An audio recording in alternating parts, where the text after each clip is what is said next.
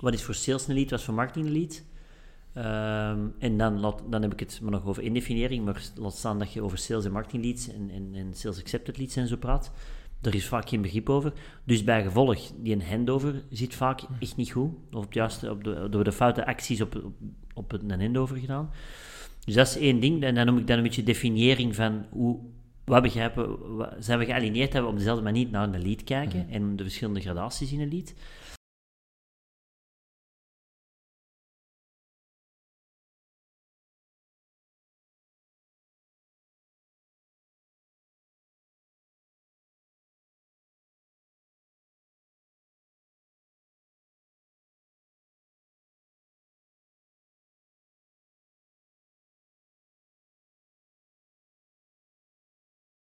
Welkom bij Alignment Factory. Deze aflevering gaan we iets anders insteken dan de, de voorgaande afleveringen, want vandaag is er geen centrale gast. Dit is Stijn. Stijn is een, uh, een collega. Dag Stijn. Um, wat dat we eigenlijk doen bij Alignment Factory is na elke twee afleveringen doen we een deep dive. En in die deep dive bespreken we twee à drie topics die ons zijn bijgebleven vanuit de vorige afleveringen. Dus nu gaan we een deep dive doen vanuit aflevering 1, aflevering 2, Michael Lamblay en Philippe de Kleen. Uh, Nico, we hebben drie topics bepaald. Kunt jij misschien even aan onze luisteraars meegeven welke topics dat, dat zijn? Dat kan ik zeker. Hè. Dus ik denk dat we, we hebben heel veel over uh, op zich mindset, proces, technologie gesproken. Ik denk dat we daar uh, als eerste nog even moeten op inzoomen, om dat gewoon voor iedereen duidelijk te krijgen. Uh, het tweede punt dat we heel interessant vonden, denk ik, vanuit de sessie, en dat was met Filip, was alles rond uh, niet-lineaire buyer journeys en, en hoe dat we daarop moeten inzoomen. Ik denk dat we daar ook zeker wel wat inzichten kunnen ontgeven en daar ook wat dieper op kunnen ingaan.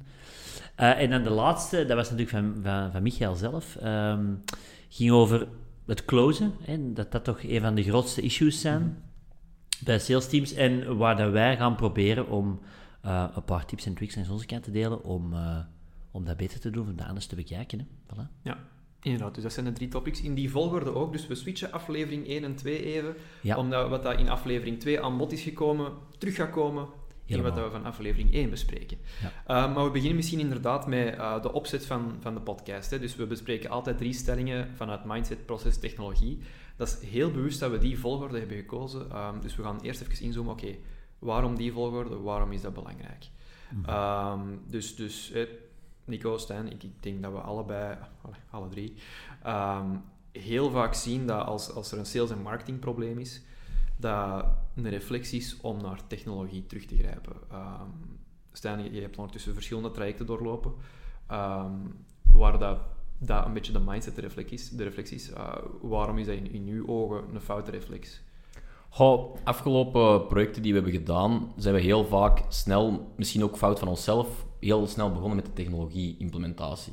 ik denk dat we achteraf nu kunnen reflecteren dat dat misschien niet de juiste startpunt was. Dus mm. vaak zie je dat bedrijven gewoon hebben van, goh, weet je, we gaan HubSpot implementeren, we gaan Salesforce implementeren en dat gaat alles oplossen. Maar vaak zit het probleem meer in de mindset, hetgeen wat vooraf gaat. Wie doet er mee aan dat proces? Welke, welke personen hebben het beslissingsrecht? En dergelijke. En dan zien we, denk ik, dat we nu meer naar onze strategie zelf moeten bijsturen. Van misschien moeten we daar eerst veel meer op spelen en achteraf meer echt naar die technologie gaan. Mm -hmm. um, ja, en aansluitend uh, mindset, uh, daar volgt dan ook een proces uit. Wat is het proces? Is dat er eigenlijk al? En daar ook lang bij blijven stilstaan, want soms gaat het over bepaalde dingen in over, we gaan het implementeren. Maar dan beseft je pas in de implementatie zelf hoeveel proces dat er eigenlijk al nodig is, ja. of, of dat er al aanwezig moet zijn om die dingen goed te doen. Zonder regels en afspraken. Je kunt alles in, in 17 richtingen inrichten, maar ja, Klopt. je moet een bepaald proces volgen om ervoor te zorgen dat je er ook ja. de efficiëntie uithaalt die je eigenlijk op mhm. zoek wordt. Of dat ja, ik denk, denk, dat, ik denk dat het Peter Snauwaard in aflevering 3 was, die zei, mm -hmm. a fool with a tool is still a fool. Ja. En daar komt het een beetje op neer. Hè. Um, zoals Stijn juist zei, um, de reden waarom dat we die structuur nu handhaven, is, is puur uit eigen leercurve, uit eigen -hmm. ervaring. Ja. Um, CRM-systemen opzetten, dat is, dat is echt super leuk om te doen. Um, maar dat is eigenlijk het gevolg van, van iets wat dat, daar, daar, daaraan vo op voorhand al, al geregeld moet worden. Mm -hmm. dus, dus eigenlijk, beste luisteraars, als je ooit van plan bent om je sales- en marketingteams op één lijn te zetten, grijp niet terug naar een CRM-systeem. Kijk altijd eerst naar, naar je mindset, je, je processen. En dus we gaan nu even eerst inzoomen op enerzijds mindset, anderzijds processen, om even uit de, uit de doeken te doen welke stappen dat je daar allemaal zoal moet doorlopen. Ehm, we zullen misschien even, Nico, beginnen bij, bij mindset. Um, want jij bent vaak een van de eerste mensen die in contact komt uh, met potentiële klanten. Uh, hoe zie jij naar, naar de, zowat de gemiddelde mindset in, in het Belgisch KMO-landschap? Als het gaat over, um, je wilt zeggen alignment of over... Ja, sales en marketing, mhm. CRM-systemen, van, van die dingen. Hoe, hoe zien de meeste bedrijfsleiders en beslissingsnemers daar naartoe? Um, ik denk, je kunt er heel veel over vertellen, hè, maar ik denk dat dat te snel um, wordt bekeken als uh, een tool om iedereen op te volgen. Uh, een tool om iedereen op te volgen en wat inzicht te krijgen over de pipeline. Uh, maar dat is eigenlijk dat is zeer korte termijn bekeken en dat is natuurlijk zeer geïsoleerd. En, en ik denk dat daar heel wat van de, ja, de, de, de fouten beginnen, is dat ze dat al vanuit, de verkeerde, vanuit alleen maar een sales input bekijken, bijvoorbeeld. Mhm. Maar dat ze de bredere scope nog niet altijd nog waarde schatten. Dus dat vind ik toch een, eh, een heel belangrijke. Ik ben nu aan het aan de laatste implementaties, um, waar dat zo qua mindset het grootste probleem zit. Ik denk, ja, dat de één. En twee, dus het, te veel vanuit de pipeline en het opvolgen van mijn salesmensen, dus die mindset. Uh, en twee, denk ik, dat het een, als een te geïsoleerd uh, element wordt bekeken. We gaan nu uh, een CRM-systeem implementeren, mhm. maar er wordt niet bekeken van, maar wacht, als we CRM hebben, dat is dus klantendata, uh, mensen van de aftersales moeten er iets mee kunnen doen, mensen van het marketingteam moeten er iets mee kunnen doen, mensen van het salesteam moeten er iets mee kunnen doen, ik moet daar mijn forecastings op kunnen bouwen. Dat is eigenlijk de, de, de, de, de ja, de, de ruggengraat van de organisatie eigenlijk, de mhm. data uh, van de organisatie. En dat is niet gewoon een mijn, een, een, een tooltje om mijn, mijn klanten, mijn, mijn, mijn deals en mijn, mijn contacten en zo. We gaan echt naar change management zien. Hè? Ja. Dus je, moet dus je zegt, ja, de organisatie moet daarop op draaien eigenlijk. En, en dat is wel een belangrijke mindset waar je bewust van moet zijn. Uh, als je dat goed wilt doen, hè, als je dat maximaal wilt uithalen. Mm -hmm. Ja, want uh, wij komen heel veel in contact met, met, met verschillende profielen. Hè. Um, mm -hmm. In het begin zitten wij vaak met ja, vaak is dat eigenlijk alleen een marketingmanager aan de tafel. Ja, en die bekijkt dat dan vanuit automation bijvoorbeeld. Voilà, en, en langzaam, maar zeker komen, komt iedereen naar boven. Hè. Dus dan komt de sales manager, dan komt het IT-departement eens mhm. kijken. Hè. Vandaag ook een case waar dat, waar dat legal komt kijken. Ja. Dan komt de CEO, die daar vooral bezorgd is over wat gaat mij dat kosten en wat gaat mij dat opbrengen. Um, ik denk dat dat heel vaak naar boven komt. En, en qua mindset is het ook belangrijk dat je, dat je weet waar dat het probleem zit. Dat je, dat je niet alleen um, ervoor zorgt dat je die marketingmanager mee hebt, want ja, dat is de eerste dat met je rond de tafel zit, die is mee. Um, maar ik denk dat het nog altijd vaak gebeurt, die marketingmanager zegt van, ja, maar kijk, hé, deze is waar we naartoe moeten, en dat dan de salesmanager komt en zegt van, ja, maar ik heb toch Pipedrive om mijn, om mijn leads in op te volgen. Ja, maar dan wordt het te veel bekeken, vind ik, als ik daarop inpik, dan wordt het te veel bekeken als het is een administratief tool, een mhm. administratieve hulp. Maar dat is het... Allee, daar, is het, daar was het misschien tien jaar geleden voor begonnen, maar eigenlijk de dag van vandaag is dat echt wel... Ja, dat, dat, er komt al uw inzicht uit. Voor heel uw organisatie te laten doorgroeien, nieuwe businessideeën op te doen. Mhm. Met die mindset moeten daarin zitten, denk ik. Mhm. Vanuit een business en niet vanuit... We hebben een tool om onze deals op te volgen of onze contacten gemakkelijker terug te contacteren. Want mhm. dat is eigenlijk te veel te beperkt. iedereen moet mee zijn. Hè? We hebben het afgelopen jaar ook met een klant aan het praten geweest. Die was er helemaal niet mee. We hebben toen met twee nog heel die demo uitgewerkt. Ja voor die healthcare uh, systeem. En dan uiteindelijk komt gewoon, ja, de CEO was niet mee, dus ja, we gaan het niet doen. Ja. En dat is ook heel jammer, want ja. iedereen moet meewerken. Het, gaat, het is niet alleen dat marketing moet meewerken, maar sales moet werken, customer service, iedereen in het bedrijf, zelfs misschien het facturatiesysteem, ik weet het niet. Mhm. Als die niet mee zijn, dan moet het vergeten. Mm Het is dat, vanuit de organisatie moet het besef zijn dat CRM belangrijk zal zijn om de business de juiste inzicht te geven en de business op de juiste manier te laten doorgroeien. En ook champions, hè? dus mensen echt aanstellen die, die echt mensen doordrijven en ambiëren van kom aan man, dan gaat dat gebruiken. Want dat is ook vaak een probleem. Hè. We, gaan, we gaan dat opzetten ja. en daarna niemand... niemand kan ermee werken. Ja, ja, dat is, dat is geen tijd En dan gaat dat zijn eigen leven leiden. Mensen gaan bepaalde zaken doen die misschien niet op de juiste manier worden geïmplementeerd. Mm En waar ben je dan? Ja, dat is wat ik een tijd geleden zei. Je kunt technologie hebben, echt, echt het zotste CRM-systeem van de wereld. Uh, als je mindset er niet is, dan, dan ja, dan gaan sommige mensen er gewoon niet mee werken. Mhm. Als je mindset er niet is, maar processen wel, ja, dan, gaan, dan gaat iedereen er misschien wel mee werken, maar iedereen op zijn eigen manier. Ehm, ja, want wat je zegt met mindset, uh, sorry dat ik nu onderbreek, maar je zegt het nu, uh, het, is, het is inderdaad meer dan, want ik zeg nu wel, het wordt bekend als een administratieve tool, maar er moet ook een mindset zijn in de organisatie om over de departementen heen mhm. uh, samen te werken. Dat is ook wel heel belangrijk, want als je zegt van ja, het salesteam is links en, en, en het marktteam zit rechts, en hebben elkaar liefst zo weinig mogelijk nodig, ja, dan gaat het ook nooit de, de grootste toegevoegde waarde naar de halen. Als je hoger in het bedrijf gaat, dus naar de hiërarchische structuur gaat kijken, denk ik wel dat je het bovenste partij moet pakken om dan verder te vloeien naar beneden. Want mhm. als je vertrekt vanuit een heel kleine decision-making unit, van, van marketing, kleine afdeling met vier personen, we gaan dat implementeren, dat gaat niet. Dat gaat niet. Nee. Ik, moet echt naar boven gaan zien, want die gaan mensen aansturen en zeggen van, mannen, we gaan dat zo doen. Ja, en in die departementen moet er ook wel de openheid zijn om te zeggen van kijk, we gaan er allemaal aan samenwerken, want we gaan allemaal naar één gemeenschappelijke doel werken, het groei van, die, van deze organisatie. En een CRM zal ons daar op alle vlakken in voeden, maar er moet wel de openheid zijn van de verschillende mhm. departementen. Ja, want uiteindelijk als we kijken naar, naar de manier waarop dat wij ehm, ja, verkopen wat wij verkopen, uh, maar ook als je als bedrijf zelf de stap wilt zetten naar inderdaad een technologie, uh, ja, die mindset is natuurlijk het eerste wat je moet aanpakken. Ehm, en net zoals dat wij, als wij verkopen, een, een DMU hebben, een Decision Making Unit, ja, jullie hebben dat intern ook. Uh, als jij een marketingmanager bent en je wilt een CRM-systeem implementeren, ja, dan moet je even in kaart brengen wie gaat er allemaal in werken, wie heeft daar een rol in te spelen, wie moet ik mee op mijn kar hebben. Mhm. Uh, en je moet eigenlijk op zoek gaan naar, um, dat, is een tip dat ik daar heb, op zoek gaan naar het hoogste niveau waar dat de mindset knelt. En als dat, als dat je CEO is, ja, dat is langs de ene kant lastig, omdat je die graag mee op de kar hebt. Maar eens dat je die effectief mee hebt, dan is dat wel uw, uw grootste champion in uw verhaal. En die heeft ook effectief het gezag om de rest mee te trekken. Ehm, dus eerst wat je moet doen, is, is zo hoog mogelijk op zoek gaan naar, naar de goede mindset. En die dan via een soort van watervalsysteem uh, ja. door laten sijpelen naar de rest. En ook laten begrijpen voor die persoon wat, wat de overkoepelende meewaarde is van CRM. Mm als, als je tegen een CEO zegt van kijk, dat gaat ons inzicht geven over de groei van onze organisatie en waar dat we uh, efficiëntie hebben, waar dat we nog geen efficiëntie hebben.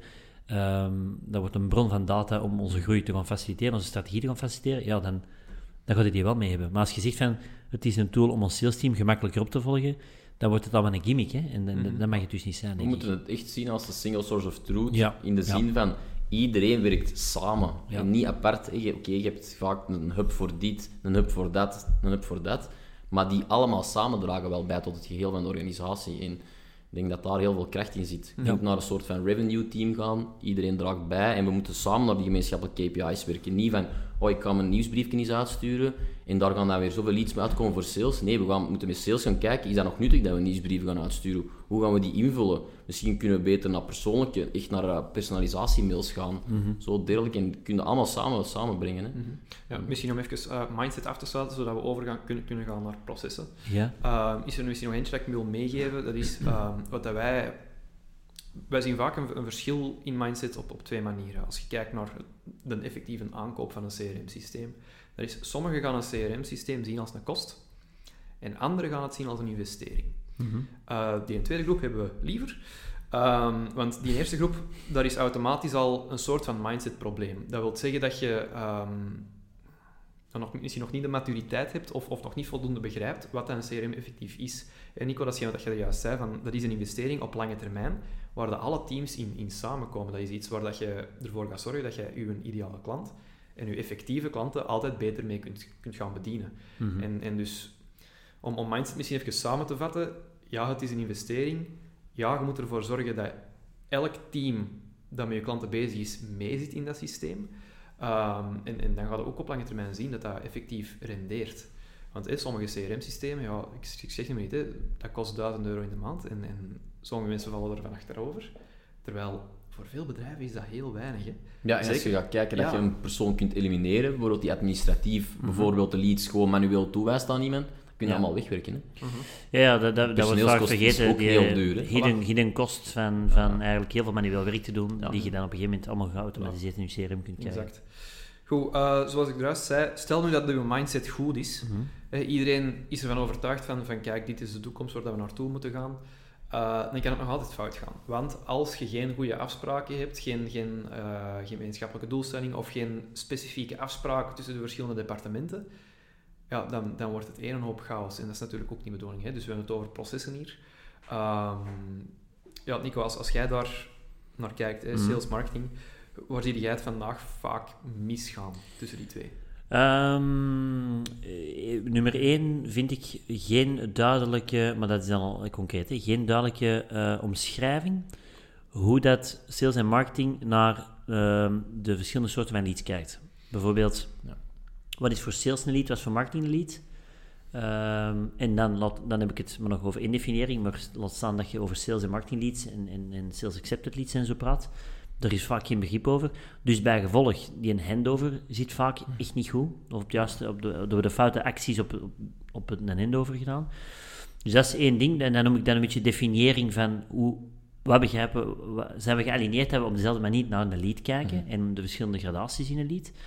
En twee, um, een neergeschreven proces, en ik wil dat ook niet te zwaar maken, want ik ben ook uh, niet direct de voorstander van heel zware processen te maken, maar gewoon heel duidelijk neerschrijven van, van het eerste contactmoment tot iemand een, een deal closed of zelfs kant wordt. Wat zijn al de velden die kunnen ingevuld worden? Wat zijn al de betekenissen in de velden? En wanneer moeten die ingevuld worden? Dat documenteren, daar zijn er heel weinig uh, mee mhm. bezig. Uh, of doen het ene keer en raadplegen dat nooit meer, waardoor dat er een wildgroei komt in data, in uw CRM en bijgevolg mm. uw CRM heel weinig waard Ik heb er afgelopen week nog een LinkedIn-post over gemaakt. Ja. de Service Level Agreement maakt gewoon een rapport. Beschrijft samen in welke leads willen we, wanneer gaan we die pas overhandigen. Mm -hmm. Dat mhm. sales geen onnodige tijd verliest met nutteloze leads. En dat we er ook over en, eens zijn. Hè? Dat we zeggen van, kijk, dit is wat dat sales... Vanaf dat moment gaan we met als sales team inspringen. Ja, en, en, vaak zijn er denk ik echt, echt zo de, low-hanging fruits. Die zijn er. Hè. Ja. Uh, hetgeen wat jij nu zegt, hè, zorg ervoor dat in bepaalde stages van je pipeline bepaalde velden verplicht worden. Mm dat, dat, is iets dat je al heel gemakkelijk kunt doen, procesgewijs, om uniformiteit in je data te krijgen. Of inderdaad, wat dat je zegt, um, als je heel duidelijke kwalificatiecriteria opstelt, ja. kun je heel gemakkelijk gaan zeggen van, dit is een MQL, dat is een, MQ, uh, dat is, dat is een, uh, een SQL. En op dit exact moment moet je doorgegeven worden aan sales. Want ik denk dat we nu um, bij veel bedrijven ook wel horen van, ja maar, sales moet zich bezighouden met, met 100 leads en, en 50 ervan zijn eigenlijk nog niet klaar voor te praten met ons. En dat is natuurlijk niet, niet de bedoeling. Mhm. Denk dat je altijd wel ook kunt werken naar... Het is niet, we gaan het vooraf vastleggen, maar ik denk dat het ook heel belangrijk is om op, op geregelde basis gewoon feedbackmomenten te doen. En marketing moet naar sales communiceren, maar sales moet evengoed naar marketing communiceren. Mhm. En ik denk dat je dat, dat... Alles verandert zo snel vandaag. Mhm. Als je dat vastlegt, is dat misschien binnen zes maanden niet meer waar. Dus als constant evaluatie van waar zit, waar zit ons ideale profiel, naar wie gaan we op zoek, hoe kunnen we die bijsturen, ik denk dat dat heel, heel mogelijk is. Het, het gaat niet alleen over, over uh, wanneer geeft je wie door aan wie, maar het gaat bijvoorbeeld ook over welke input moet sales geven aan marketing en vice versa. Hè? Want, want daar mhm. is, hè, het, is vandaar dat we over silo's spreken. Silo's die praten niet met elkaar. En ik denk dat er een, een paar heel essentiële zaken zijn die dat sales weet, marketing niet per se. En als sales dat zou doorgeven aan marketing, of, of omgekeerd, hè, dat die al veel beter hun klant zouden kunnen bedienen. Ja. Dat zou een goede synergie zijn.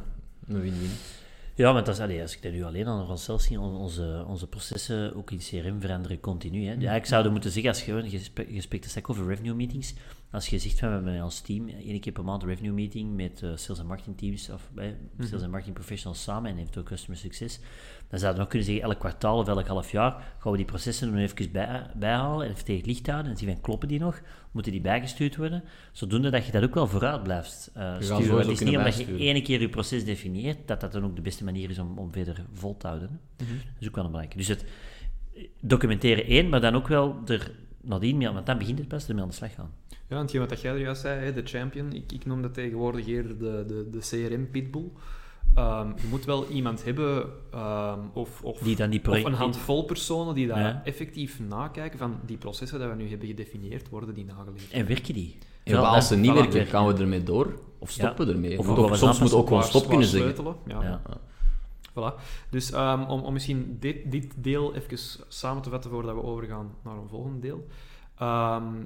Uw mindset is absoluut het, uw topprioriteit als je de opzet van een CRM-systeem wilt laten slagen. Hmm. Ehm, iedereen moet mee aan boord zijn, iedereen moet diezelfde mindset delen. Als dat niet is, dan zal, dan zal dat op zekere hoogte wel gaan werken, maar je gaat sowieso inefficiënties hebben die dat je eruit wilt. Um, Heb je een mindset, denk alsjeblieft eerst na over je processen. Ehm, denk na over wie dat uw ideale klant is. Uh, wanneer dat die een ideale klant binnenkomt hè, en wanneer dat je die naar sales gaat doorgeven. Welke informatie dat van welk team naar welk team doorstroomt enzovoort enzovoort. En niks is perfect. Hè. ik denk dat er geen enkel bedrijf is dat alle processen op punt heeft staan. Um, en ik denk dat heel veel bedrijven ook nog altijd zoekende zijn. Er is geen gouden, er is geen gouden, er is geen gouden formule. En, en heel veel bedrijven moeten echt gewoon op hun specifieke situatie, op hun, op hun specifieke markt ook gaan toepassen van wat is hier aan de orde qua processen. En als je dat hebt, en nogmaals, dat is niet perfect, als je daar gewoon een basis voor hebt, dan kun je dat beginnen implementeren in een CRM-systeem. En dat is voor ons de basis om dat te laten lukken. Als je dat niet hebt, dan, ja, dan, dan zakken die kansen drastisch. Ja, en dan gaat dat misschien een heel dan gaat dat een zwaar proces worden.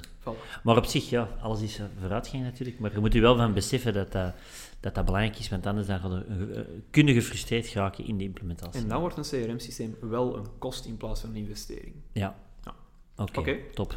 Goed, ik denk dat we in, in topic 2 gaan duiken. Yes. Dus uh, geen aflevering 1 dat we nu gaan bespreken, maar even aflevering 2 en aflevering 1 komt zelfs aan bod. Uh, in aflevering 2 was Philippe de Kleen te gast, um, professor aan, aan, de UA en ook aan de KDG-school. Um, en die had een boek geschreven, Flow Marketing. En, en Flow Marketing vertrekt vanuit het principe dat uh, de consument vandaag wispelturiger als ooit is. Uh, consument bepaalt het tempo, bepaalt ook de volgorde van de stappen die je doorloopt. En als hem op het einde is, kan hij ook zeggen van nee, nee, ik ga een paar, een paar stappen terug en, en ik kom er wel. dus dat maakt dat ja, een lineaire klant bestaat niet echt nog. Dus ehm, het, wordt moeilijker om die te pakken te krijgen. Nu, eerste stap om die wel te pakken te krijgen, is om even uit te stippelen van ja, oké, welke fases zijn er in die klantreis? Uh, wat doet hij in die fases? Wat voelt hij bij die fases? Uh, in, op welke manier komt hij in contact met ons tijdens die fases? Enzovoort, enzovoort. Uh, nu, omdat dat niet lineair is, lijkt dat misschien een ingewikkelde opdracht om, om te doen. Um, maar op zich moet je daar denk ik niet te veel zorgen over maken, want als je de juiste oefeningen hanteert, dan, dan kom je daar wel door. Mm -hmm. um, ja, Nico, ik denk, denk nogmaals, jij bent vaak de eerste die in contact komt met, met prospecting in ons geval. Ja. Uh, ervaart jij vandaag ook inderdaad dat die, dat die customer journey niet meer lineair verloopt? Ja, 100%. Hè. Ik denk, um, en, ik, en we hebben het er in, in Mechelen nog over gehad, als we op de Fifth Conference uh, iets kwamen vertellen, dan we hebben dat eigenlijk zien versnellen, denk ik. Ehm, eh, ik wil het woord niet veel aanhalen, maar na COVID. Ehm, mhm. waar, dat, hè, waar, dat, waar dat iedereen thuis zat. En uh, vooral in B2B vind ik. Uh, en waar je dan de reflectie had van, ja, hè, met sales teams van, ja, we kunnen met weinig mensen nog contact leveren, want ze zijn allemaal thuis, ze zijn niet bereikbaar, niet bereikbaar, want we hebben die gsm-nummers niet enzovoort. Mhm. Dus wat zijn B2B-bedrijven nog meer aan doen, is zoveel mogelijk uh, digitaal aanwezig zijn, informatie delen. Dus die, die, die, transparantie in informatiedeling is alleen maar gestegen. In de afgelopen twee jaar is er echt een versnelling in gekomen. In, bij, in B2C, maar bij B2C-merken was het al, maar B2B is daar ook wel eens versneld geweest.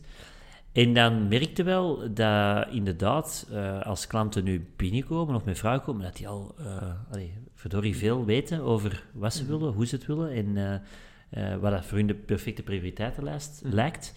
Wat dat nog niet altijd wil zeggen dat dat volgens ons juist is, hè, maar ik moet maar zeggen, de, de mate waarin dat zij geïnformeerd zijn, is wel een pak hoger. Ja.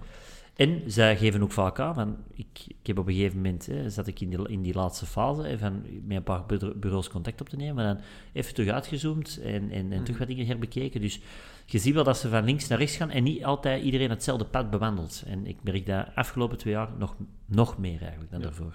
Ja, ik denk inderdaad, als, als we kijken naar, naar de, de niet-lineaire buyer journey, dat we misschien eerst even een paar termen moeten uh, op tafel moeten ja, smijten. Is, hebben we dat eigenlijk gezegd in de aflevering? Ik weet het niet meer. Uh, de niet-lineaire buyer journey. Um, ja, Filip heeft dat toen uitgelegd. Toch? Ja, inderdaad. En jij bent Sorry, er dieper op ingegaan. Ah, ja, nee, dus niet-lineaire buyer journey, dat is ondertussen denk ik wel duidelijk aan, aan de hand van de uitleg die wij juist hebben gegeven.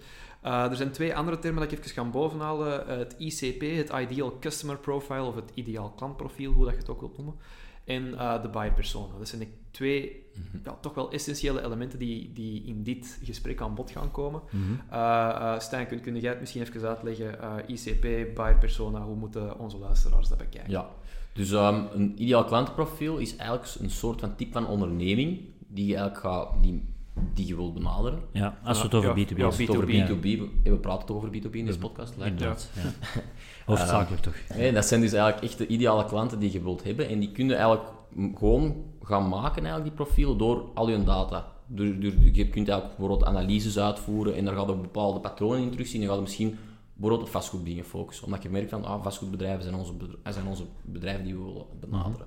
Maar daarin zitten ook personen. En die personen, dat zijn eigenlijk de buyer personas.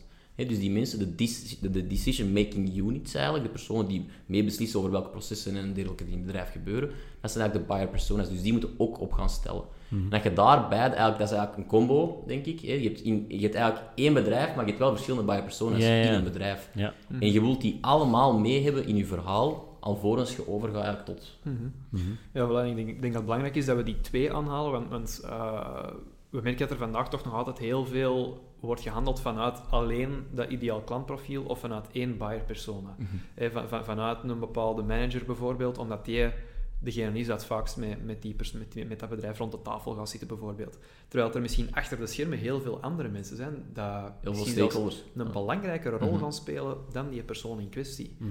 Ehm, dus, dus die hebben we even aangehaald. Even achtergrondinformatie voordat we erin ja, duiken. Van hoe gaan we die niet-lineaire buyer journey nu effectief in kaart brengen. Mm Nu, uh, Nicolas, even kijken naar die niet-lineaire buyer journey. Ik denk dat heel veel bedrijven, uh, ik, ik, denk dat toen gezegd is in die aflevering, de consument is sneller veranderd dan ons begrip ervan.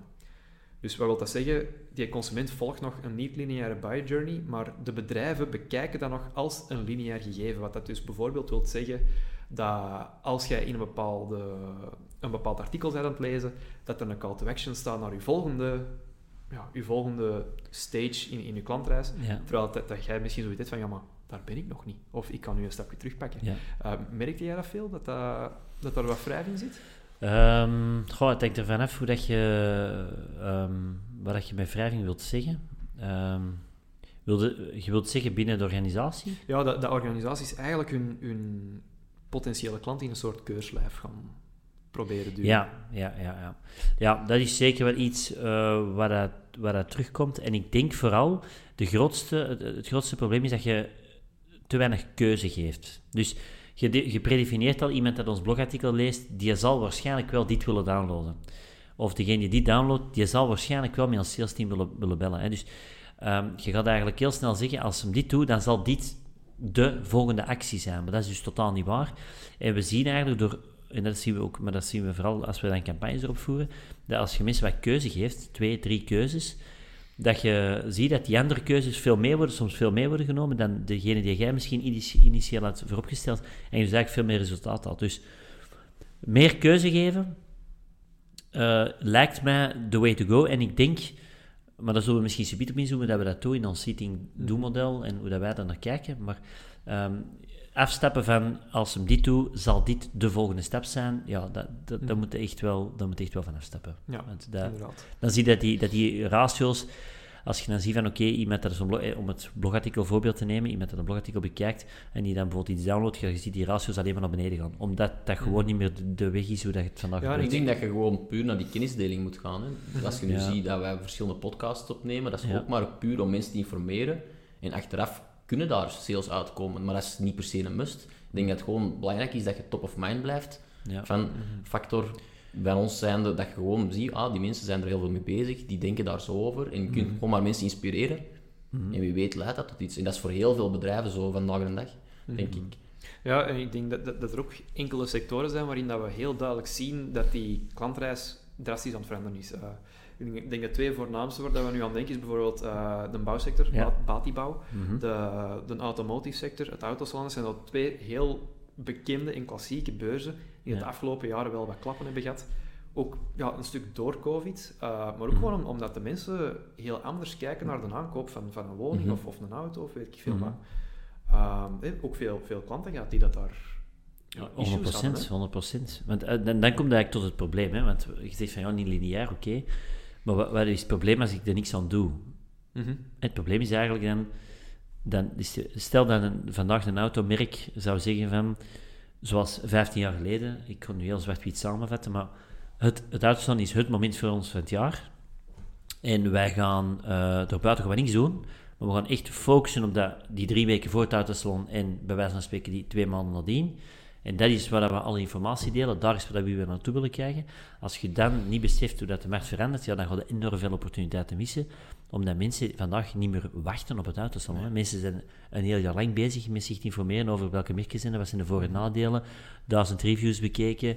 ja, ik denk, de automarkt is misschien al 95% beslist. Ja, je, voor de, en misschien voor de laatste keer nog eens even de shortlist komen bekijken op het autosalon als kist op de taart, maar dat is niet meer de go-to uh, plaats om, om, om nee. u volledig te informeren. Ik denk zo'n beurs moet meer gewoon... En dat stelde nieuwe... met Batibouw, hè. Hetzelfde ja. met Batibouw. En ik zeg niet dat de beurzen slecht zijn, helemaal niet, en dat je daar niet meer moet staan, maar gewoon het, het idee van... Uh, daar wordt de vraag gecreëerd en daar wordt eigenlijk het antwoord gegeven en dan is het de, de sale binnenkopen, ja, dat is, dat is ja, niet denk, denk, moet always on aanwezig zijn. Ja, ik denk het autoslan, uh, waar dat vroeger echt in het begin van uw, van uw klantreis zat, zit dat nu veel later, want, want ja. eh, zoals je zegt, zoveel procent is al besloten. Ik denk dat het autosalon meer bekeken wordt als een plek waar dat ze hun, hun keuzemogelijkheden gaan ja. evalueren. Ja. De nieuwe snufjes, ik denk dat het meer, moet meer een experience worden. Ik denk dat een, een, een autoverkoper bijvoorbeeld niet zijn 15 modellen er moet zitten, misschien maar twee, maar gewoon eens even gewoon bestempelen van dit zijn de nieuwe, nieuwe trends die eraan komen in auto's, zo gaat die uitlichten. Mm -hmm. Ik denk dat daar meer een beurs moet omdraaien, juist met Batibouw ook. Mm -hmm. Er zijn zoveel machines die gemaakt worden vandaag de dag, die zo'n waanzinnige dingen kunnen, maar als je het niet weet en nergens kunt zien, ja, dan kun je het niet zien. Ik denk dat een beurs daar meer moet op gaan spelen, in plaats van puur op die verkopen. Mm -hmm. Lijkt me ook. Ja, inderdaad. Um, dus oké, okay, we hebben nu gezegd, wat is die niet-lineaire buy journey, wat is het probleem daarmee, wat gebeurt er als je er niks aan doet, dan krijg je de autosalon, batibouwtoestanden. Um, misschien moeten we ook eens een, een positief bericht brengen. Wat kunnen we er wel aan doen? Ja, ja ik denk dat je gewoon uh, voor te beginnen al moet stilstaan dat het niet zo eenvoudig gebeurt van, hè, van actie A naar actie B naar actie C. Mm -hmm. uh, hoe dat wij het vaak bekijken, en ik denk dat dat voor velen wel toepasbaar is, is wij gaan gewoon kijken in, wij, ik denk dat wij een drie of vier intents bepalen, bijvoorbeeld uh, in een, een C- en in een awareness-fase, tot een, een over, mensen die in een overwegingsfase zitten, tot een conversiefase. Wat is de content dat we er gewoon moeten aanbieden? Mm -hmm. Wat is de content die ter beschikking moet zijn voor mensen die enerzijds gewoon in die, in die eerste fase zitten, in die tweede fase, die overweging, of echt die stap willen zetten tot een aankoop. Was alle mogelijke zaken dat we daar kunnen uitwerken en waar gaan we die een plaats geven? Zodoende dat we daar de keuze eigenlijk een deeltje laten aan, aan degene die aan de overkant zit, om te zeggen van ik, ik, mm -hmm. ik voel me nu meer in, die, in dat middensegment, eh, of ik voel me, ik, ik ga toch een stapje hoger, of ik kan een, een stapje dieper. Maar we gaan ze niet meer in funnels duwen van A, B, C, mm -hmm. want dat werkt niet. Ja, gaan wat keuze ja, dat, is, dat is denk ik inderdaad het, het einddoel. Hè? Ja. Uh, dat je inderdaad gaat naar, naar een systeem waar, dat, waar dat je klant, of potentiële klant, op elk moment naar u kan, op u kan terugvallen en, en de behoeftes raken bevredigd. Um, als we dat dan even, stap, als we even een stapje terug gaan pakken van hey, dat is het einddoel, uh, met terugwerkende kracht even gaan zien hoe raken we daar. Ja. Um, ja, ik denk dat heel veel bedrijven vandaag nog altijd uh, afgaan op bijvoorbeeld zoekwoordonderzoeken of mm -hmm. ja, natte vingerwerk bij wijze van spreken om, om hun funnel ja, vorm te geven aan de hand van content. Uh, ja, waar wij meer van zijn, van zijn dat is uh, de eigen kennis combineren met, met effectieve interviewen van eigen land. klanten. Dat, ja. dat wou ik zeggen. Um, dus, dus ik denk in, in deze vraagstuk van hoe mapt je die, die niet-lineaire buyer journey, zijn er twee grote segmenten. Je hebt enerzijds je, je interne mensen, dus, dus de mensen die daar echt in contact komen met de klanten, of die dat iets doen voor de klant, want een marketeer komt niet altijd in contact met klanten. Mm -hmm. uh, dat enerzijds, maar anderzijds ook effectief uh, klanten, maar zeker ook mensen die uiteindelijk zelfs geen klant zijn geworden mm -hmm. bij u. Ja. Ja, ik denk ja, dat aftersales een heel ja. belangrijk onderdeel is van die, van die journey.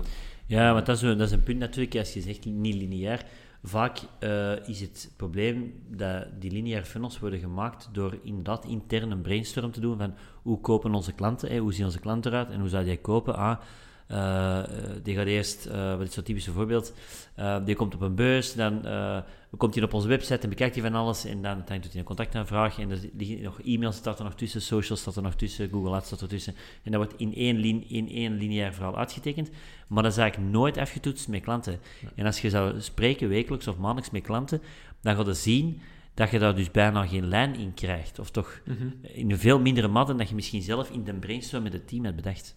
Ja, voilà, en dan gaat dat Maar wel leuke inzichten, hè? Je Zeker. hebt er zelfs geen twintig nodig, hè? Ik denk zelfs als je er zelfs vijf, vijf, ja, vijf of tien hebt, kun je ja. al zoveel doen. En dan ga je zien, ah, wacht, maar die is uh, via dat netwerk heeft hij zich geïnformeerd. En de andere heeft echt puur online gedaan. En, en nog een andere heeft uh, op een beurs van ons gehoord en, en is zo beginnen zoeken. Dus dan ga je zien van, oh, er zijn wel heel veel verschillende wegen tot één eindresultaat. Mm -hmm.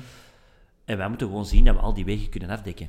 Of toch een groot deel ervan, hè? want ja. je hebt zo, zo gelijk in social media zeggen soms ook van je moet een, een, een werkpaardkanaal hebben, ja. een kanaal waar dat je heel veel op geeft. En sommige kanalen, ja, sorry, in het begin moet je die links laten liggen. Mm -hmm. uh, en, en ik denk hier, hetgeen wat je er juist zei van die interne brainstorm, ik geloof wel dat die interne brainstorm er moet zijn. Een goed beginpunt. Want, want voilà, dus, dus begin daarmee. Hè, en ook om te zien hoe, ga, hoe gealineerd dat je bent. Ja, voilà. Hè, pak, tegenover de realiteit. Pak een grote witte muur, uh, maak er kolommetjes in van, van see, think, do.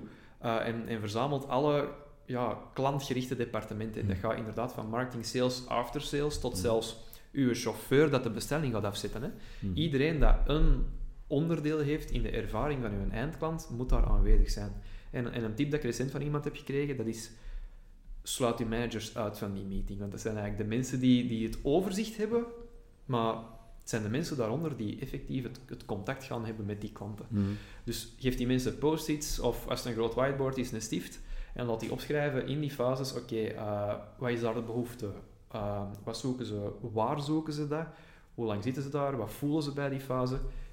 Komen we daar vandaag aan bod, ja of nee? En in welke vorm komen we aan bod? Enzovoort, enzovoort. Doe dat voor elke fase. Ik denk, denk dat dat al een goede startpunt ja, is. Hè? Ja, dat zeker. En dan aftoetsen met echte klanten. Ja, uh, ja ik wil, ik wil dus, iets een ander, ander ding aanhalen. Je hebt gezegd, die, die buyer journey is niet lineair. Wat je kunt zien is, je, kunt, je hebt gewoon verschillende fases dat gewoon overgeslagen worden. Mm -hmm. Stel nu, ik, um, ik wil iets nieuws kopen en ik kan gewoon een vriend van mij heeft aangeraden. Dan heb je al heel de marketing dingen gewoon al weg en is al gewoon weg en je gaat gewoon direct over tot sales. Mm -hmm. Wat anderzijds ook kan zijn, is dat je bijvoorbeeld wil, je wilt iets kopen en het kan zijn dat je daarna een review leest en je gaat gewoon terug naar af. Ja. Puur door die review eigenlijk. Dat je eigenlijk initieel dacht van, oh, ik moet dat echt hebben. En je gaat een review lezen en je gaat gewoon terug en dan gaat het terug naar af. Dus je hebt ja. zoveel verschillende vormen van informatie die je vandaag beïnvloeden in een, in een journey, dat, je, dat dat nooit meer rechtlijnig kan zijn. Dat kan ja, niet. voilà. En, en, en, er zijn nog twee elementen die daar belangrijk in zijn. Eén, ik denk, vroeger werd hè, de, de oefening dat we juist uitleggen, die werd echt bekeken als in van, ah ja, fase 1, dan gaat hem naar fase 2, dan gaat hem naar fase 3, enzovoort, enzovoort. Terwijl, hoe dat jij het nu uitlegt, is het zo... Iedereen kan op elk moment van die oefening inpikken. Dat kan in Ja. C zijn, in C zijn, in think zijn, in do zijn. En je moet die verschillende behoeftes, die verschillende contentinitiatieven echt los zien van elkaar. En niet per se daar één groot intergeconnecteerd netwerk van willen maken. Ja. Ehm, dat, dat, is soms moeilijk. één- Dat is soms ja, moeilijk. dat, is- hè. dat is moeilijk. Ja. Maar je moet ook beseffen, ehm dat is hetgeen wat we er juist zeiden, je hebt uw DMU, uw Decision Making Unit, daar zitten verschillende mensen in. En uw marketing manager gaat misschien helemaal in het begin aanwezig zijn, maar uw CEO, die komt pas op dat einde en die moet eigenlijk juist zeggen van het is goed voor mij, ja of nee. Mhm. En, en daar moet je ook rekening mee houden van, van als je die oefening maakt, maak dat niet alleen voor je voornaamste personen, Ja. maar probeert zoveel mogelijk personen uit die, uit die, uit die DMU vast te pakken. Het kan En zelfs een die- financiële dienst zijn, Voilà, die en, zelfs en die mee te steken in, in die oefening. Dat je van, Ja. Want uiteindelijk, als je die oefening hebt gemaakt, eh, wat is gevolg? Marketing gaat veel beter hun communicatie kunnen afstemmen, hun content kunnen, kunnen creëren. Sales gaat veel beter kunnen inspelen op die DMU. Die gaan echt hun presentatie vorm kunnen geven van, ah ja, de die vindt dat belangrijk, de die vindt dat belangrijk. Dat steekt er allemaal in. En dan gaat ook een veel coherenter verhaal brengen, waar dat Mhm. iedereen zijn behoeftes en doelen ook aan bod komen. Mhm. Helemaal akkoord. Top. Ehm, dus ja, als we, als we dan kijken naar, naar eh, klantinterviews, want, want we hebben dat nu even kort Ja. aangehaald, want het is belangrijk dat je dat toetst bij klanten. Mhm. Ehm, als we dat even wat concreter willen maken, hoeveel interviews moeten we doen? Eh, hoe zit de verhouding van klanten slash niet-klanten?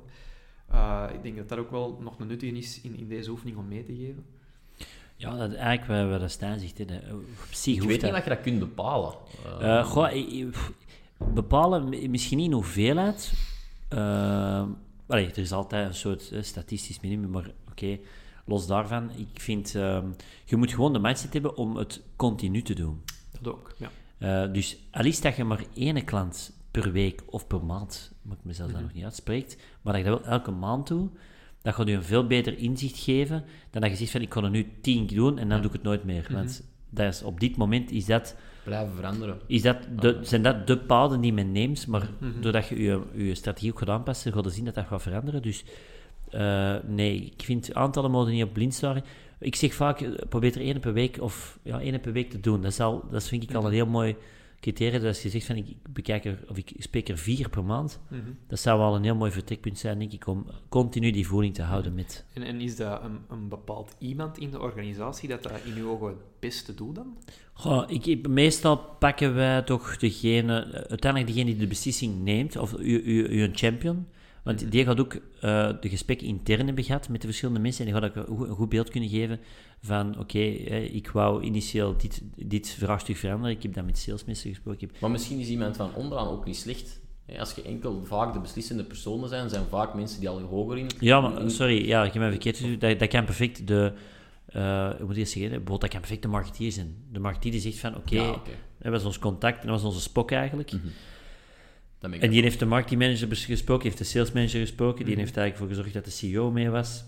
Of het kan zijn dat hij misschien iets niet durft zeggen hè, tegen, zijn, tegen zijn baas. Mhm. En dan gaat hij misschien een essentiële informatiebron ja.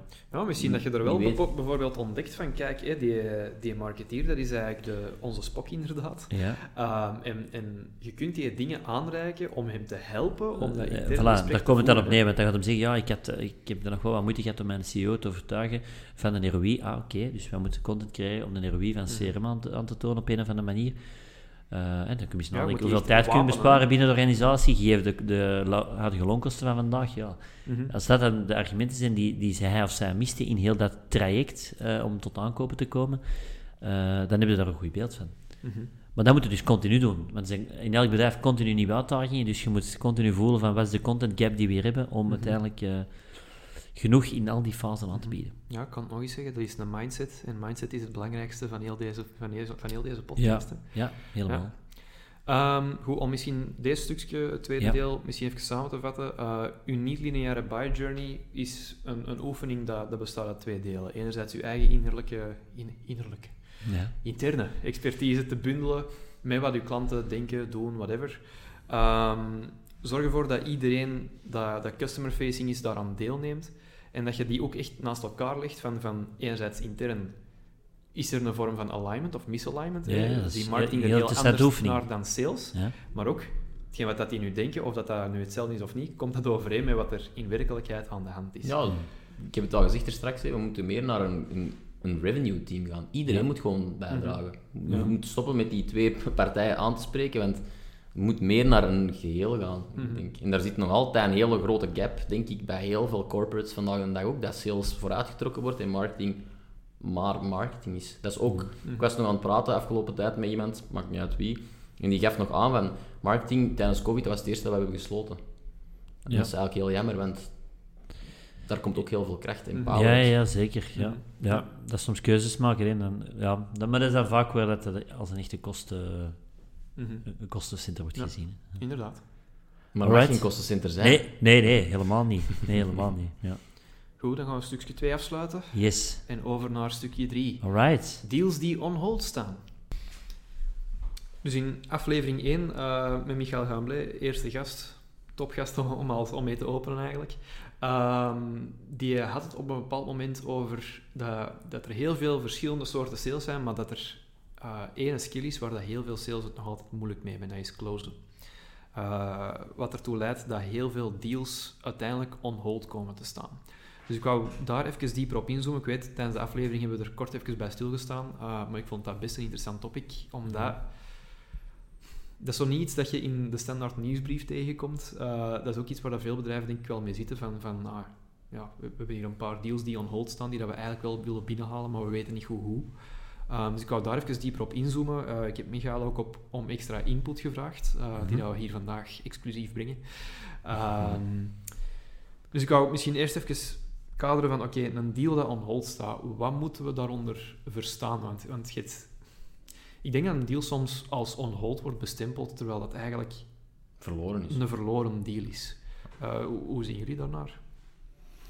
Um, Misschien moeten we beginnen wacht, bij het begin. Uh, want uh, ja, wat is een deal on hold? Ja. Um, correct punt. We zullen misschien beginnen bij. Het ding is, ik denk dat er heel wat deals blijven hangen inderdaad, omdat er uh, gebrek aan kwalificaties. Mm -hmm. Een gebrek van kwalificatie begint. Bijvoorbeeld, uh, iemand um, doet een aanvraag via de website, maar eigenlijk zouden daar al even moeten checken. En dat is niet gewoon omdat je mensen niet wilt helpen, dat heeft er eigenlijk niets mee te maken. Maar zouden moeten checken van, is dat een profiel waar wij meerwaarde kunnen bieden? Hè, gegeven onze manier van werken. En dat gaat dan over, hoe ziet die, uw team eruit? Mm -hmm. wat zijn die noden? Uh, wat zijn die hun timings dat die voorop stellen? Dat is de ICP uh, en die een buyer persona eigenlijk. Ja, Waarom buyer persona gaan bekijken, ICP, mm -hmm. maar ook gewoon eens gaan kijken naar het criteria. Dus als je dan met die mensen in een eerste gesprek gaat, uh, bekijk dan eens van, hebben ze vandaag um, de, de, juiste, de juiste problemen die wij kunnen oplossen? Want soms zijn er problemen waar wij niet direct één op één antwoord voor hebben. En dat we ze dan toch gewoon proberen om ze wat te, te, -hmm. te, draaien, om ze te helpen, maar dat is niet altijd zo mogelijk. Dus je moet wel kijken, van, is het een essentieel probleem waar wij kunnen helpen? Zijn we met de juiste mensen aan het praten? Ook vaak een probleem. Mm -hmm. Hebben we, en dat is dan, daar hebben we het over de vorige vraag over gehad, uh, hebben we een begrip wie dat er allemaal mee beslissingen overneemt? En weten we genoeg wat die hun uitdagingen zijn of die bezorgdheden zijn? Mm -hmm. Als we dat niet weten, dan gaan we blind op een voorstel werken dat eigenlijk misschien niet afgestemd is op al de noden binnen heel de organisatie. Mm -hmm. Dus dat is ook super belangrijk. Um, en ik denk dat dat stukje, die, die eerste kwalificatie, dat wordt soms ook het bandprincipe genoemd. Hè. Dat is dan meer de niet. Uh, ja, we kijken naar budget, uh, autoriteit, wie is er mee bezig, hoe was de nood hier en wat is de timing om dat opgelost te krijgen. Dat is een, een, een gekend salesprincipe, maar dat daar soms iets te vluchtig wordt overgegaan. Mm -hmm. En dan duwen ze die in een salesproces, omdat ze denken, oh, we hebben een contact, we gaan toch zo snel mogelijk een voorstel maken, want dat is toch wat we willen. En, en uiteindelijk ze overtuigen om met ons iets te gaan doen. Uh, maar als een van die cruciale parameters niet goed zit, dan gaat hij er heel lang blijven hangen. En dat is wat we soms mm -hmm. doen, een deel die on hold staat. Vaak is dat gewoon omdat een van die key parameters um, ja, niet goed zitten. Mm -hmm. Gewoon niet goed zitten in functie van uw DMU, in functie van uw ideale klant. Uh, en dat gaat er niet zomaar opgelost krijgen. En dan blijft dat hangen. En dan het gevoel van, oei, ik krijg mijn deals er niet door. Maar ja, dat is vaak een kwalificatieprobleem ja, in het begin. Het eerste wat je zegt, kwalificatie, ik denk dat het ook gewoon soms een kwestie is van, van je gaat nee moeten zeggen. Ja, maar, dat is ook omdat je wilt mensen helpen. Hè. Je ja. wilt, je wilt, ik, ik, ik ken dat gevoel, je wilt mensen helpen continu. Je zegt van, ah, je zit mijn probleem, ik wil dat oplossen. Maar sommige problemen kun je niet altijd op, je kunt niet elk probleem oplossen. En daar moeten we gewoon van bewust zijn. En dan moeten we in het begin goed doorvragen en goed begrijpen, wat is het echte probleem hier?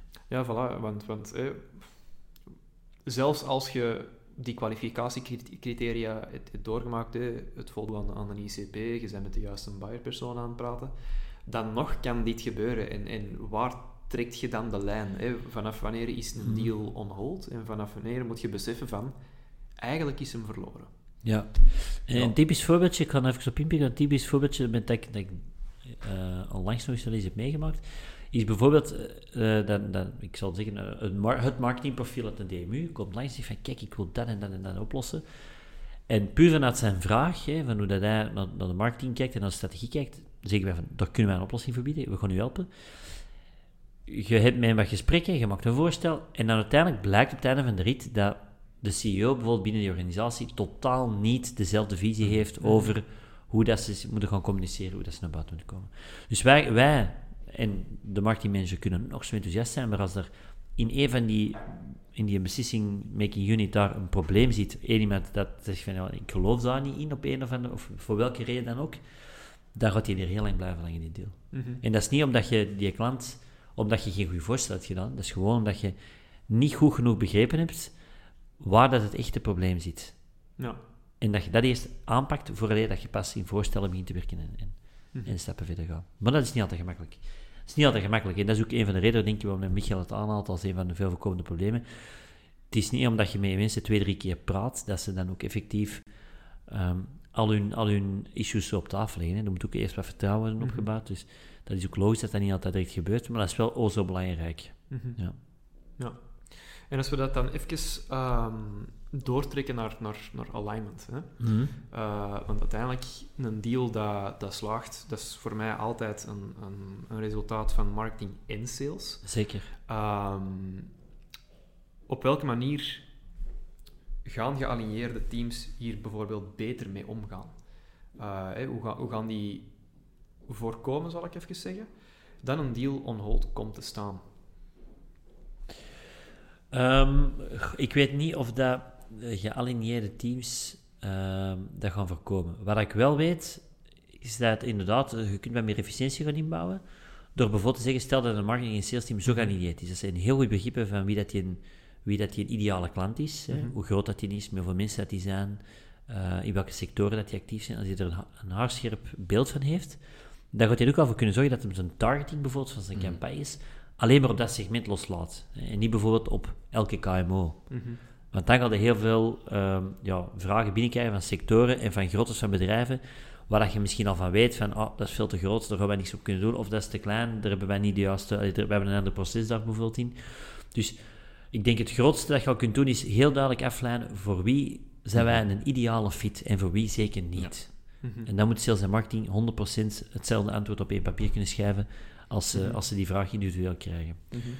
En ook welke messaging, welke, wat, is de, wat is het, um, het punt dat onze leads onthouden als ze onze naam herinneren. Dan weten we ook van, oké, ze, hebben hetzelfde, ze hebben hier hetzelfde verhaal aan het vertellen of niet.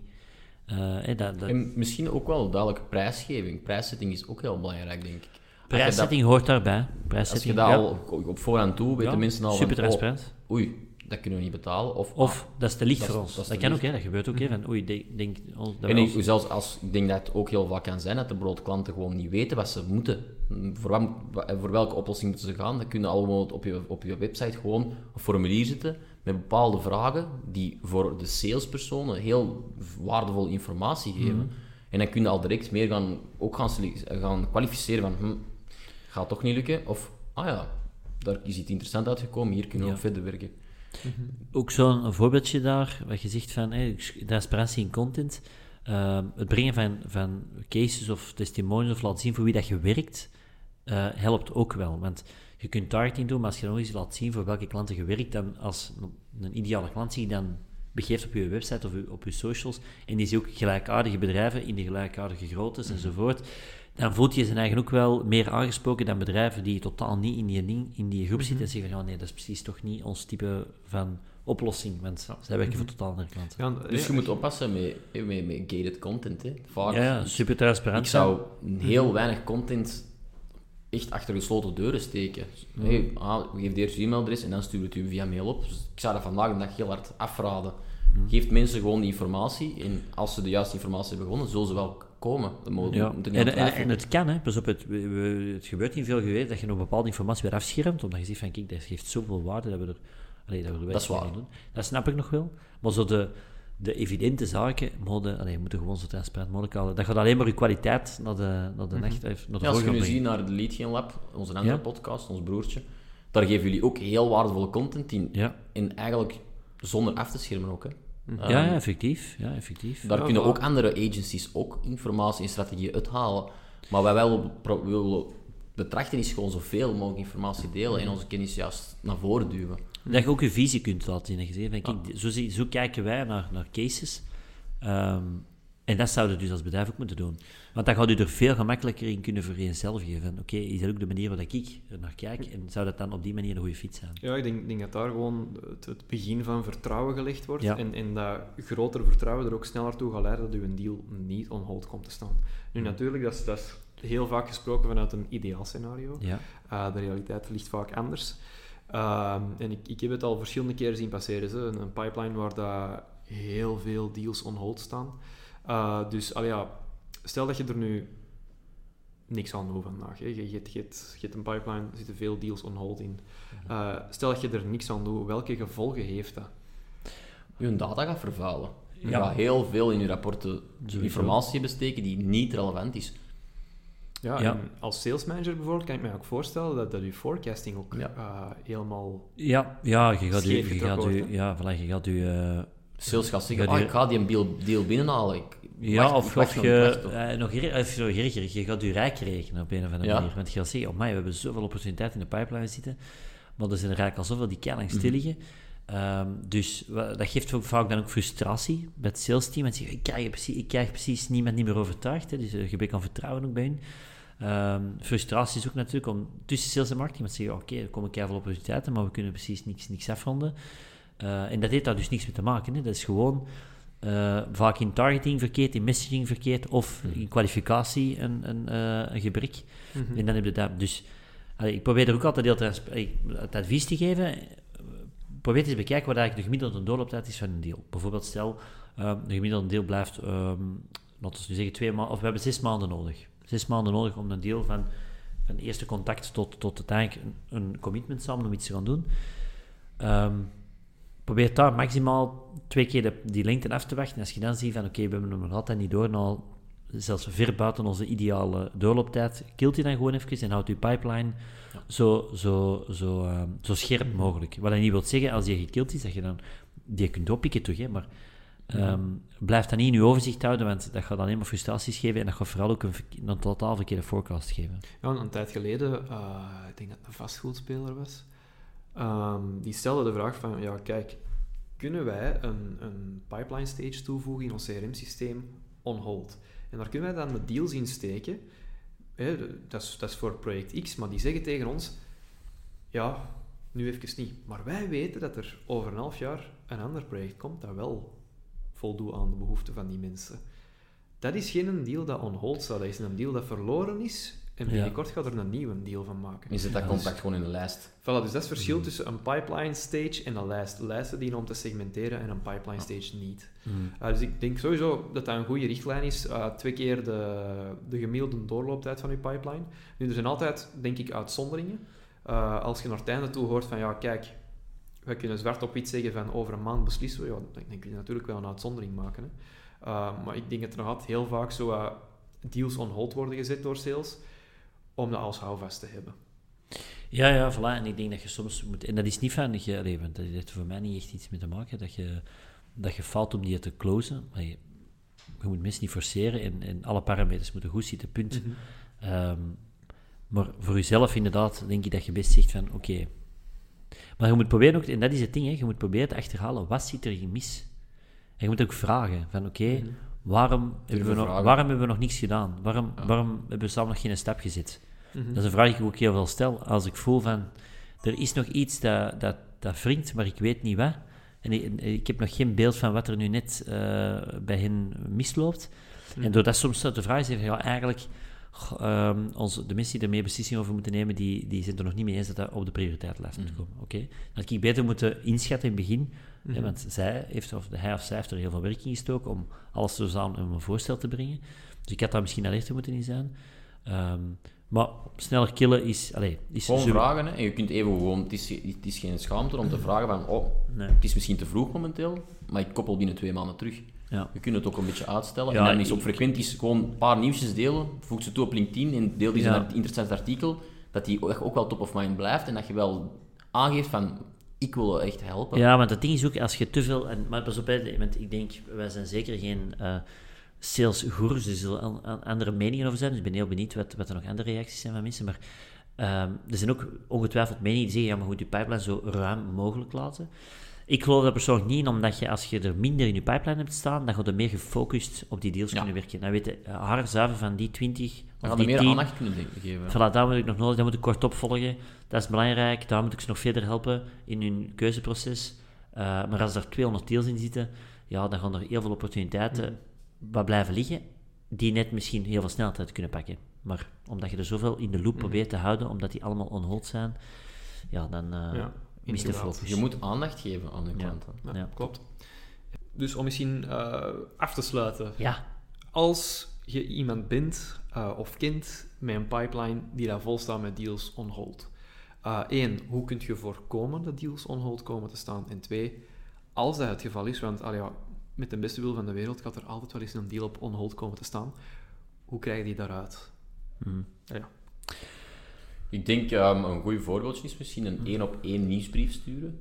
Um, echt ja. waardevolle informatie sturen over bijvoorbeeld inderdaad een andere sector, zoals je er net al aan aanhaalde. Ik denk Michael het ook over had, ja. ja, ja dat gewoon dat je echt, echt gewoon heel geïnteresseerd gaat overkomen en niet algemeen, dat je echt interesse toont naar je kant toe. Ja, en dat je zo ook wel momentum krijgt, want uh, denk het voorbeeld dat ook Michael had aangehad, dat is ook wel eens toepassen, is bijvoorbeeld uh, een klant die in dezelfde sector zit, uh, en die dan net voor hen heeft getekend, bijvoorbeeld, of gekozen. Dat één op één naar je successen heeft geboekt, dankzij. Ja, dankzij. Dus dat je mm -hmm. laat zien van, oh, je mist wel als je met ons geen stappen verder zit. Mm, dus dat vind ik altijd wel een tof initiatief. En dan zeg ik ook, kunnen wij vrij um, eenvoudig in, in gebruik. Mhm. dat hoeft niet zeer complex te zijn. Maar uiteindelijk, dat, dat is gewoon even binnenwandelen bij marketing. Uh, die hebben waarschijnlijk wel hier en daar wat templates mhm. liggen. En het ding is, als je dat uitstuurt, dat ziet eruit als een marketing-communicatie nieuwsbrief. Mm. dat gaat ook minder opvallen dat dat een één-op-één communicatie is. Maar al ja, de nieuwsbrief wordt standaard gezien als iets van stuur het maar naar de ik lijst. Ik denk dat personalisatie wel echt heel belangrijk is. Mm ja. als je ziet dat wij soms een tooltje Apollo gebruiken voor een automatische sequentie door te sturen. Mm Als je daar al, we hebben daar eens voor een klant, een, een eh, retail klant in handdoeken en badlinnen, wij toen, uh, de eerste mail was een mogelijke samenwerking tussen het bedrijf en dan ons. En dat bedrijf was dan altijd gepersonaliseerd. En als je ziet dat we daar echt tientallen aanvragen hebben uitgekregen, ja, mhm ik denk dat dat puur lag aan hoe dat je mail is opgebouwd. Ja, gepersonaliseerd, mm inderdaad. Ja. ja, ik denk sowieso wel het, gemakkelijkste wat dat je kunt doen om, om misschien uh, de, quick wins te, te, hebben, dat is gewoon, als een deal op on hold komt te staan, documenteer alstublieft waarom dat die een deal on hold komt te staan. is het, uh, als je dan naar het bandprincipe kijkt, is het budget, autoriteit, timing, nood, uh, whatever, maar documenteert wel waar, waar dat het juist knelt. En plan ook gewoon altijd een volgende actie in. Mm al is dat maar even polshoogte nemen. Um, of dat je het bijvoorbeeld op een, op een salesmeeting naar boven brengt, zodat uw, uw manager of, of, of uw collega's er ermee over kunnen mhm. nadenken van oké, hoe krijgen we die hier eruit getrokken, zodat we er toch nog iets mee kunnen doen. Ja. Uh, dat is denk ik de basis van, van deals on hold op te volgen. Mm. Hè? En, en dan, als je dan zegt van elke maand evalueren en je ziet dat je elke keer voor dezelfde criteria een deal verliest, bijvoorbeeld budget, hè, ik zeg maar iets, ja, dan moeten dat misschien al wat vroeger in uw proces duidelijk brengen of duidelijk identificeren van is dat hier ook een match op verwachtingen mhm. op dat vlak. Mhm. Ehm, en ik vind ook gewoon soms heel, dus voor mij de meest eenvoudige tip is gewoon uh, kort, kort opvolgen en, en, en regelmatig in sturen. Misschien ook niet te pusherig overkomen? Is dat nee, maar soms zo van, kijk, ik, uh, van die kleine dingen, hè, van, ik, ik, moest dan nu denken, voilà, we hebben een nieuwe aflevering gemaakt. Mhm. Uh, dat is exact wat wij samen hebben besproken. Interessant om te beluisteren. Zo gewoon het gevoel geven en ook bevestigen dat je inziet met een probleem en dat je daar een oplossing voor wilt bieden. Mhm. En dat je daar echt heel begaan mee bent. Dat appreciëren klanten enorm. Um, moet natuurlijk, moet natuurlijk wel oprecht zijn, hè? Dat kan zelfs daar gaan we nu wel vanuit. Dat kan, dat, kan, simpel WhatsApp dat kan informeel via WhatsApp zijn zelfs. Hè? Zelfs soms gewoon via WhatsApp. Ik zie, ik, zie, ik zie hier op een beurs, je moet eens zien wat uw concurrent hierbij heeft. Ja. Dat, is, uh, of ik, dat trekt op niks, hè? Wat ik vaak ook meemaak, is bijvoorbeeld dat ik zeg van... Uh, bijvoorbeeld, hey Stefan, uh, voilà, ik heb hier een artikel van uw concurrentie passeren in de Standaard, wel interessant. Gewoon zo van die dingen. Dat je, mm. dat je laat zien dat je... Er wel mee bezig zijn. Ja, dat je ermee bezig bent en dat je een open blik hebt om hun een business te helpen. Mm -hmm. Ja, ik denk, denk inderdaad dat, dat helpen hier wel het, het centrale woord is. Hè. Ja. Een tijd geleden... wat was het dat ik gelezen had? iemand dat zei van eigenlijk, eh, je hebt zo de, de klassieke sales mantra van, van always be closing. Ja. En eigenlijk moeten we dat veranderen naar always be helping. En dat vond ik eigenlijk wel raak. Uh, die dat is het. Ja. Uh, we hebben toch afgelopen periode nog iemand gehad dat ons had benaderd. En uiteindelijk was dat een te klein bedrijf. Maar wij waren wel heel open om die gewoon te helpen. En wij dachten, we hebben gewoon gezegd van... Oh, oh wij, hebben, wij hebben die ook geholpen. Ja, ja wel, maar Free ik, wil, of zeggen, je moet altijd helpen. Mond aan mond helpt ook nog altijd. Ja. Mm maar, en daar wil ik toch een kanttekening maken, maar als het dan zover is en je bent met hen in gesprek, dan moet je wel genoeg kwalificeren bij het begin. Ja. Om ervoor te zorgen dat je niet langs mm de persoon dat je mee praat veel tijd verliest, hè, want hij of zij, hun tijd is ook uh, zeer kostbaar. Mm -hmm. En langs de andere kant, om niet in de frustratie te geraken dat je zegt dat je heel veel voorbereid werk doet, uh, om dan op een gegeven moment te zeggen, eigenlijk had ik dit kunnen voorkomen. Als ik dit transparanter had gecommuniceerd of dit transparanter had verteld, dan hadden we daar al gevoeld dat we niet de juiste partner waren om mee te helpen. Ja.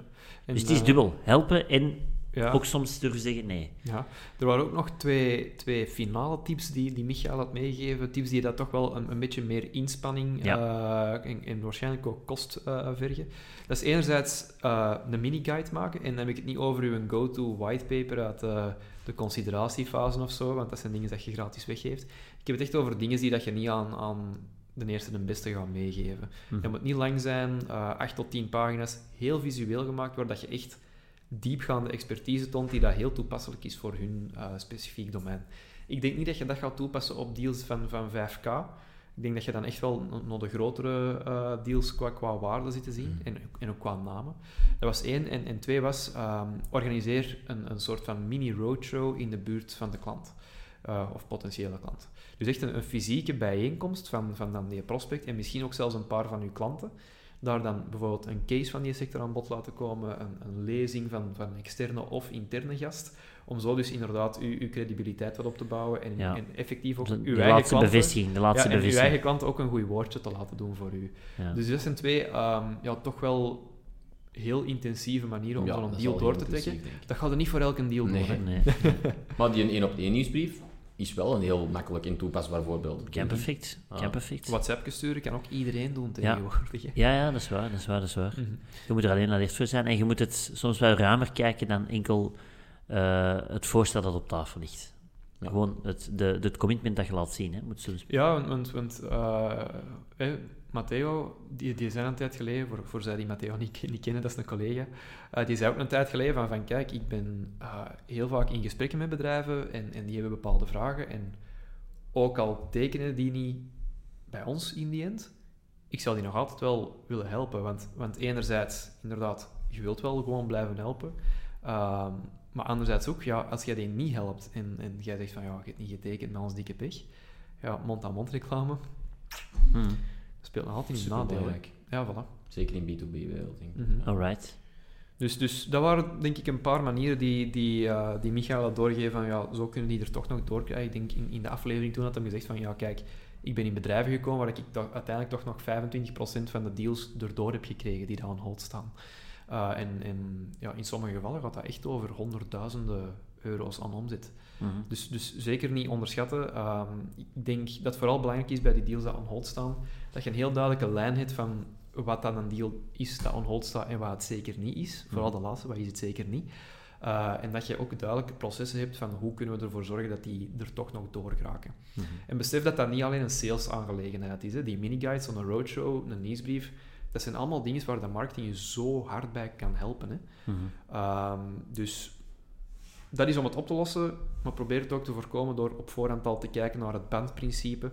Kwalificeer zeker tijdig, hè. inderdaad, als, als budget, als, uh, als bezwaar redelijk laat aan bod komt.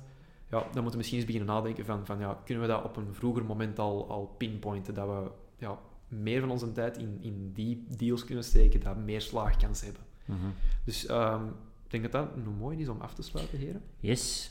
Zeker. Uh, het was een hele boterham. Ik vond het wel heel interessant. Uh, ik ga gewoon via deze weg nog eens Filip en Michael bedanken om aanwezig te zijn in de podcast.